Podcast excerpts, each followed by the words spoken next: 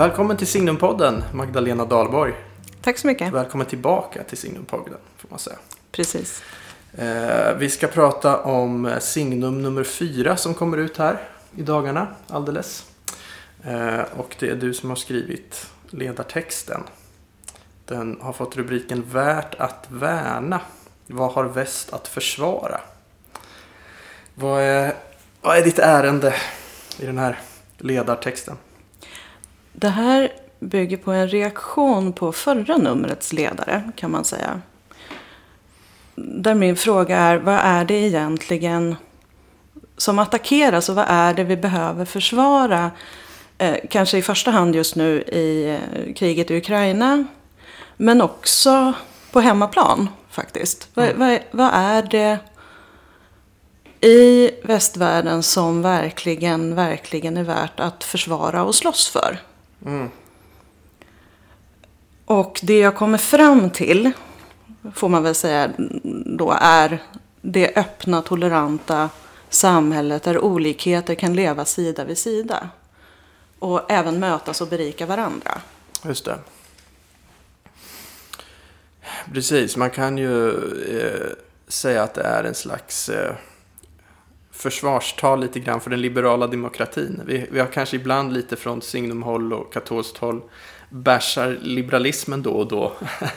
Men det är inte alltid detsamma som att eh, vara emot liberal demokrati eller öppen demokrati så att säga. Precis. Eh, liberalismen som ideologier får man ju säga. Det, det, är väldigt stor skillnad på amerikansk liberalism och fransk liberalism och brittisk Visst. liberalism och så mm. vidare. Mm. Eh, när jag skrev den här ledaren så fastnade jag lite grann. Eh, halvvägs och sen landade en bok på mitt matbord tack vare min man. Som heter Tusen små framsteg och är skriven av Adam Gopnik.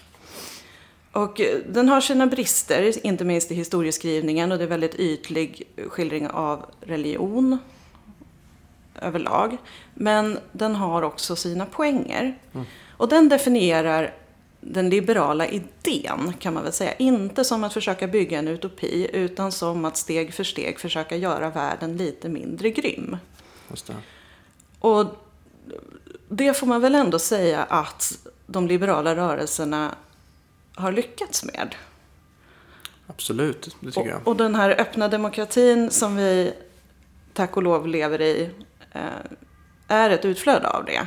Mm. Den här strävan i små, små steg att låta människor ha större möjligheter att söka sin, sin uppgift i världen. Mm. Söka sitt kall och svara på det. Så att säga. Fast, man, fast det är sekulär tappning, men det går ju att förstå i kristen tappning också. Ja, visst. Det öppna samhället tillåter oss att söka vad Gud vill med just mig. Mm. Och att svara på det utan att eh, andra sätter käppar i hjulet. Visst. Nej, det, är, det är ju det som liberalismen har gjort och som gör att man måste säga liksom tack Gud för liberalismen. Är ju att den har ju faktiskt frigjort människor och frigjort samhällen Eh, på, på ett enastående sätt. Eh, den dess, kritik som sen kan komma in är ju, men vad händer när det väl har skett så att säga? Är, är den liberala ideologin då nog i sig själv när friheten är på plats?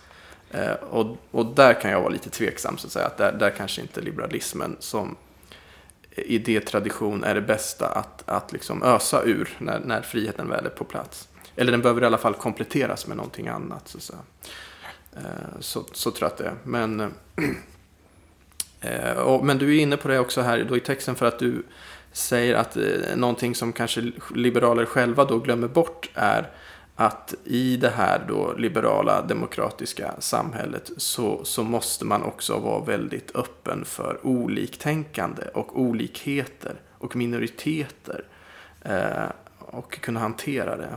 Vill du säga något om, om, om den, det tankespåret i texten? Det är ju den stora styrkan med mångfald överlag. Och som du säger så liberalismen står inte, ingen ideologi tror jag, eller idétradition står helt för sig själv. Nej. Det behöver alltid finnas ett utbyte. Och då måste man vara öppen för det utbytet. Man måste vara öppen för att andras idéer, även om jag ogillar dem, eh, även om jag avvisar dem helt, så kan de lära mig någonting. Just. Säga någonting, ge mig, ge mig inspiration att vidareutvecklas. Mm. Och därför är det så viktigt att minoriteter i ett samhälle, både perso enstaka personer och grupper och hela rörelser och organisationer får finnas, får säga det de har att säga. Just. Får synas och höras på det öppna torget. Mm. Därför att någonting som minoriteter framförallt gör är att påpeka för majoriteten, för normen, att det duger inte att vila i att vi har rätt. Man måste alltid ställa frågan varför. Mm. Så det är en av de Precis. absolut viktigaste uppgifterna för Mm. minoriteter i ett samhälle. Det är att peta på normerna Mm. och utmana dem och säga, men varför är Visst. det det här som skulle vara det allra bästa? Och då kan det vara så att majoritetssamhället ibland måste backa och säga att nej, men nej, vi hade fel. Mm. det här går inte att motivera. Nej. Men tendensen Precis. idag är väl snarare att slå bakut och utestänga när det kommer Mm. lite för jobbiga frågor. Så att säga. Ja visst, Men, och det där tycker jag finns på en väldigt grundläggande nivå. Alltså man kan ju...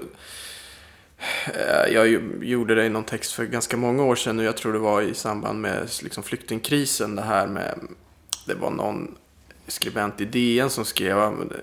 Jo, jag tror det var med Allan Kurdi. Den här lilla pojken som... som med bilden på den lilla pojken som sköljdes upp på, på stranden. Och så var det någon skribent som skrev att man blir, man blir så sentimental och så har man nästan börjat tänka på människovärde. Och, så här. och då kände jag att det där måste man peta. Alltså att det, är, och det, det är vi ändå överens om på något sätt. Att liksom människan har ett, alla människor har ett, ett grundläggande okränkbart värde. Men, men varför? Liksom.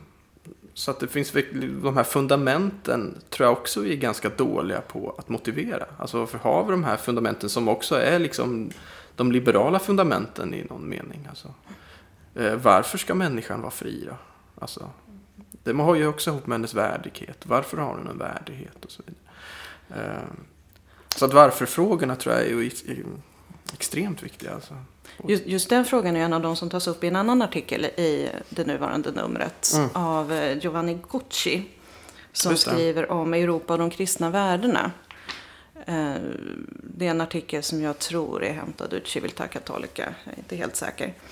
Mm. Eh, Men han påpekar just precis det här att det liberala, moderna, rationalistiska samhället behöver någonstans gå tillbaka till andra idéströmningar för att motivera Mm. sina grunder Precis. så att säga. Ja. Och, och det är ju en del av detta. Det går inte att, det går inte att isolera en enskild. Ett Nej. enskilt sätt att tänka. Alla de här olika sätten att förhålla sig till världen behöver varandra. Mm. För att vår förståelse av världen och vår situation i den ska bli mer fullödig. Mm, just. Nej, precis. Och det är det som är lite då ibland när man kanske kritiserar vissa eh, aspekter utav modern liberalism och sådär. Så jag har fått det emot mig. Så då är du antiliberal. Alltså säga nej, nej, nej, absolut inte antiliberal. I så fall är jag postliberal. Eh, Det är inte det här att jag liksom är emot liberalism. Jag menar bara att den inte är nog.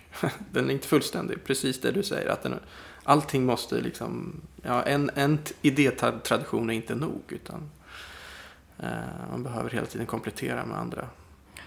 En, en sak som, som de liberala tankegångarna ofta missar är ju behovet av att förankra sig i berättelserna. Mm, just det. Eh, Där, där har vi ett, eh, återigen ett Ukraina-block i, i tidningen med två eh, väldigt olika perspektiv på kriget i Ukraina. Ett från, de vill säga lite serbiskt ortodoxt håll och ett från polskt håll och då mer med fokus på grekisk-katolska kyrkan i Ukraina. Mm. Eh, som sen knyts ihop av Karina Åkerman Sarkisians recensionsartikel får man väl säga att det kanske är. Eller längre reflektion över Per-Arne Bodins bok om rysk kultur. Mm. Eh, där hon talar om historieskrivningen. Och Just vilken det. betydelse den har. Och det är ju någonting som jag kommer in i, eh, på i ledaren också. Att det finns tendenser eh, från västhåll att försöka implementera liberala idéer i andra länder och andra kulturer ovanifrån. Mm. Och då ofta med specifika sakfrågor. Ni ska ha allmänna val, mm. ni ska ha eh, den här typen av sexualupplysning i skolorna, ni ska ha och så vidare. Mm. Utan att förankra detta i de lokala berättelserna. Och det är dömt att misslyckas tror jag i mm. många fall. Därför att det som är demokrati är inte bara val med majoritetsbeslut. Utan demokrati handlar om ett sätt att förhålla sig till varandra. Mm. Och därför måste det förankras också i berättelserna. Mm. Om vi ser på eh, hur vi liksom i Norden förhåller oss till, i alla fall i Sverige, till eh, ja, vår, vår, demokrati, vårt sätt att bestämma tillsammans. Mm. Så faller det tillbaka på berättelser, inte nödvändigtvis objektivt sann historieskrivning, men berättelser som går tillbaka till före vikingatiden med byråd och fria män och mm. även fria kvinnor, eh, kungaval, sen eh, ståndsriksdag. Alltså, det, det, finns berättelser långt, långt, långt tillbaka mm. som talar om hur vi förhåller oss till medbestämmande och gemenskaper. Så när idéer ska alltså, jag har svårt att exportera är ju fel ord i det läget. Mm. Men om vi säger att det här är någonting som vi har som vi tycker är värdefullt och som vi tror är bra för människor. Mm. Eh, då måste det spridas med hjälp av enskilda som väver in det i sin kultur. Just det.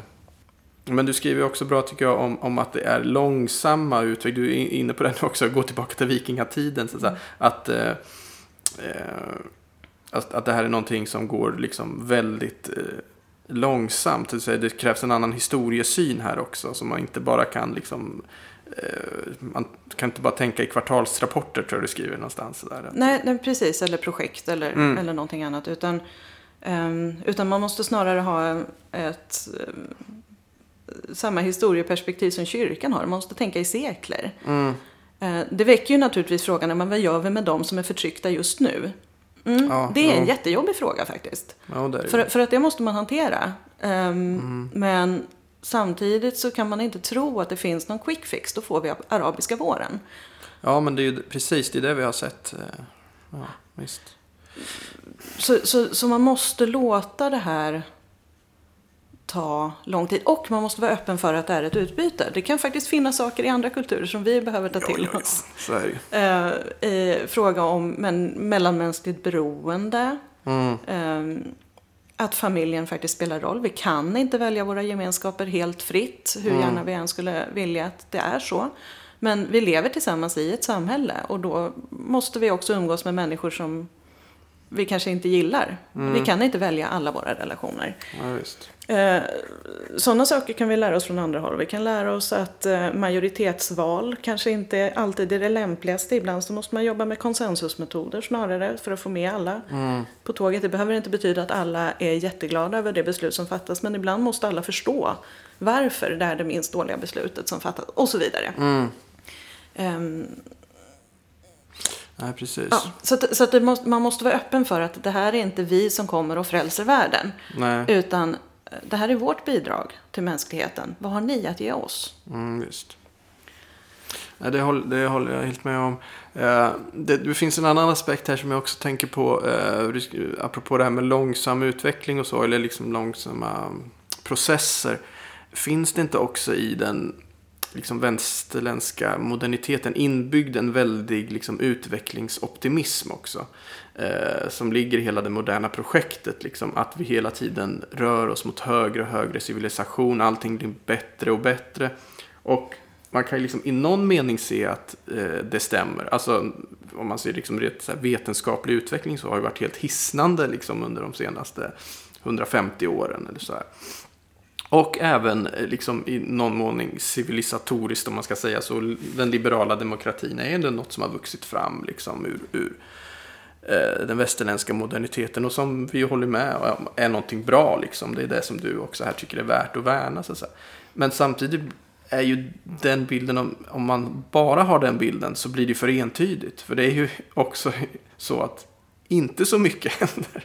Alltså det, det går ju inte att medelst liksom, politiska reformer eh, reformera bort mänsklig ondska. Eller sådär. Alltså det, i någon mening är det, in- händer ingenting. Eh, 1900-talet var liksom rent tekniskt, vetenskapligt eh, det mest liksom utvecklings, alltså hände hur mycket som helst. Det var också det mest blodiga, det blodigaste århundradet eh, i mänsklighetens historia. Så det finns ju inte någon liksom eh, självklar korrelation mellan liksom eh, den, låt säga, vetenskapliga, tekniska och inte heller kanske demokratiska utvecklingen och liksom moralisk förädling av människan eller sådär. Kanske snarare tvärtom lite grann, att man överlåter lite för mycket åt det tekniska och reflekterar lite för lite över det mänskliga. Mm. Så att säga. Och jag tror att det här dialogiska förhållningssättet inte bara ska gälla i rummet utan också i tiden. Att vi hela tiden måste stå i dialog med eh, hela mänsklighetens historia. Visst. Du skriver det också att eh, vi lätt tänker bort det, eller glömmer bort det som har varit. Mm. Och det hittar man också både hos Kuchi och, och hos Åkerman Sarkisian så finns också det här, vi måste vara medvetna om rötterna hela tiden för att annars går vi vilse. Mm. Och annars blir de där framtidsvisionerna också naiva tror jag. Ja. Och barnsliga kanske rent av. Jag vet att jag till, eh, till något nummer förra året översatte en artikel av Diane Dean Drummond som är teolog och biolog. Tror jag hon är.